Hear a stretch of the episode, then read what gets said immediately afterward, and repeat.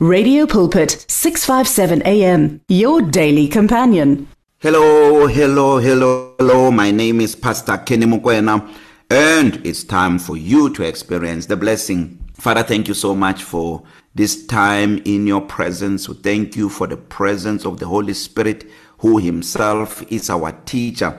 I pray that the Spirit of the Lord teach us today in the name of Jesus. Lord, you said in the word that we have an unction from the Holy One and we know all things. Illuminate us today. We pray for wisdom, knowledge, and understanding to rest upon us. In Jesus' name, I pray for every person under the sound of my voice. May you perfect everything that concerns them. May the entrance of your word bring forth light and give understanding to the simple. In Jesus' name, I pray. Amen and amen. Well, we are continuing with our conversation, manifesting the blessing. I hope you have been enjoying my testimonies. I've been with Radio Pulpit for a very, very, very long time now. Um, I think this is our fifth year with Radio Pulpit, but um, I've never shared testimonies as I've been doing on this message because I believe that this message is a game changer. Trust me, if you are listening to this and uh, there are certain things that God has put in your heart and you have not been doing them because you have been waiting on God, that has to change.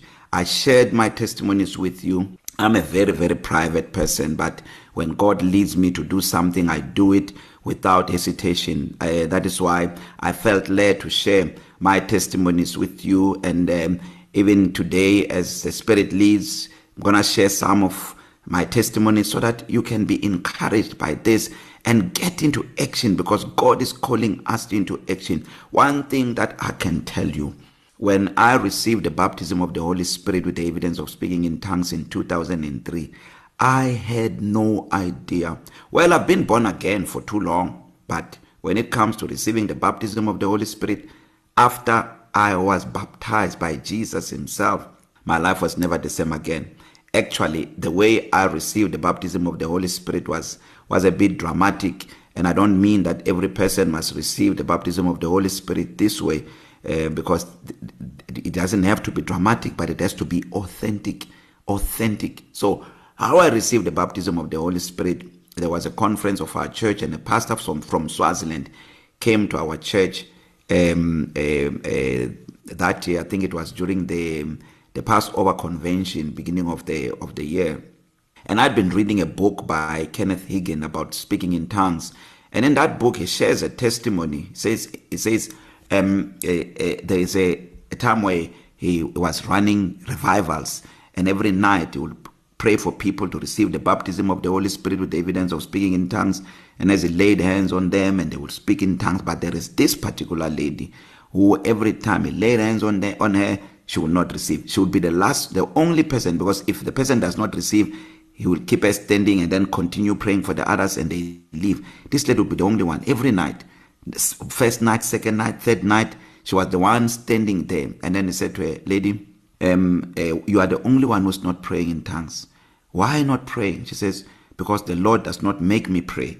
And then he explained to her, he said, The Lord will not make you pray. The Bible says in the book of Acts, chapter 2, they began to speak in other tongues. They began, and the Holy Spirit gave them utterance. So, lady, you must open your mouth and begin to pray in, in, in, in other tongues. And then uh, the, that lady would not open their mouth. But the following day she would still come.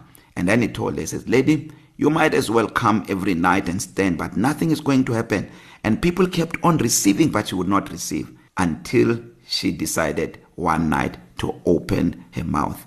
And when she opened her mouth, the Holy Spirit filled that she prayed in other tongues. It was so glorious. So I read that in Kenneth Hagin's book. And then that pastor from Swaziland came to our church during the Passover convention. So on his first night, when he finished preaching, he said, um, Those who have never prayed in other tongues, please come forward. And I was one of the people who was there. And let me tell you, I was so desperate to pray in the spirit because I've, I've, I mean, I, I, I was part of a church where uh, uh, prayer is characterized, it's always dominated by praying in the spirit. And I couldn't pray in the spirit and I, I felt embarrassed. I felt like everyone could see that I can't pray in the spirit and uh, I, my wife would drag me to prayer and I hated going to prayer because of the tongues part because I just couldn't pray in, in, in, in other tongues. And then God led me to read this book in preparation for the pastor coming. Trust me, when he called, I was the first to arrive in the front and I was the first to receive the baptism of the Holy Spirit. Everyone else came and joined me on the line. I did not wait for the pastor to lay hands on me. When I stood there, I was resolute in my spirit that today is my day to speak in other tongues. And I opened my mouth. When I opened my mouth, a bubbling came into my spirit. I literally felt something in my spirit. I know now it was the Holy Spirit because Jesus told the woman at the well that the water that I shall give you shall be to to to to to you a fountain of water springing up into everlasting life.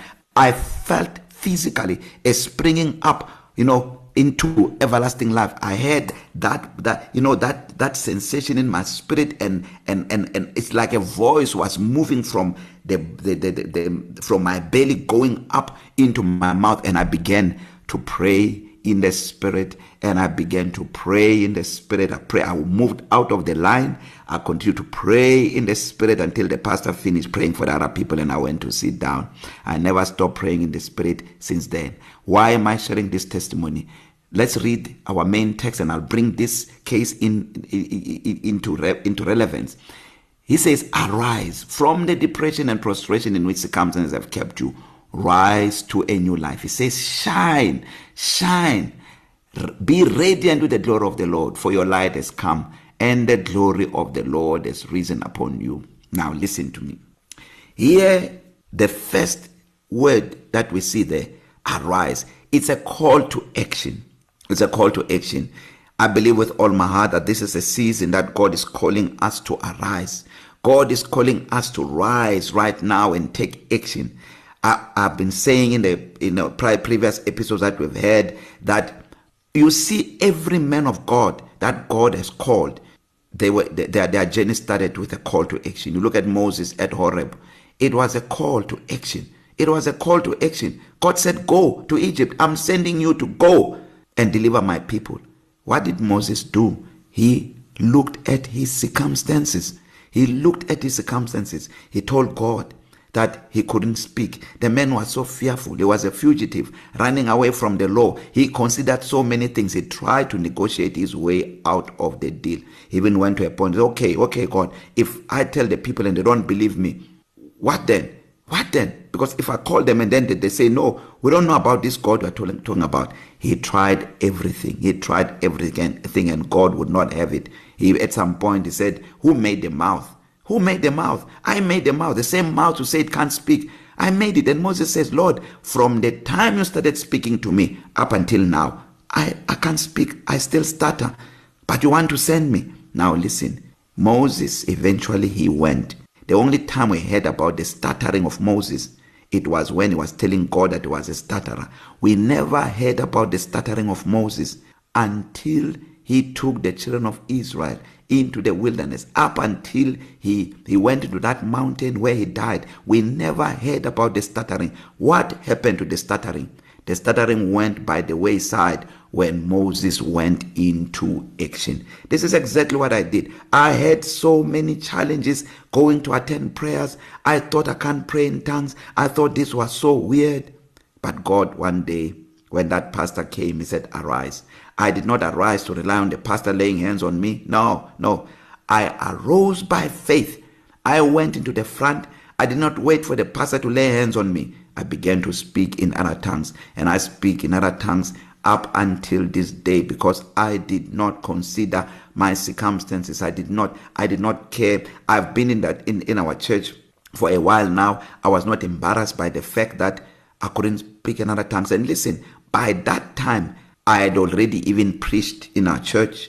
I had received offerings. I had been doing so many things, but I could not pray in other tongues until that day where I decided that today is the day I take action. And I took action. And I tell you that bubbling was so beautiful that is how my calling was birthed that day when i began to speak in other tongues from that day forward my life was never the same again God ignited a fire and a passion in the inside of me for prayer. I enjoyed praying. Even up to this day, my prayer life, it defines everything that I do. Everything that I do centers around my prayer life. I, I, I God, you know, made made me to be hungry for his word man. I tell you i'm still as hungry for the word as i've been those years many many many years ago because i took action. And today i want to tell you do not contend with your circumstances. God is saying arise arise arise from your depression arise from your prostration arise from your circumstances. This is what god is saying. Don't wait and say let things change and then i will arise. No. Remember in john chapter 5 Jesus talks about the man who was at the pool of Bethesda. This was a man was paralyzed. He was in that condition for 38 years waiting for the moving of the water because the Bible says at a certain time an angel came to stir the water and the first person who comes into the pool when the water was stirred that was the only person who was healed. Jesus the Bible says he was going to the feast in Jerusalem and he went to the to the to that uh, um, um, pool of Bethesda. Uh, and when he went there, he went straight to this man. Listen to what Jesus said to this man. He said to the man, Do you want to be made well? The man said, I have no man. What was he saying? I am waiting. I'm waiting for someone to come and uh, pick me up and throw me into the water when the water was dead. But this man has been in that condition for 38 years. The Bible does not tell us how long he's been going to that pool. But what the Bible tells us is that the man was waiting. He was idling, he was doing nothing. Listen to the, to the command.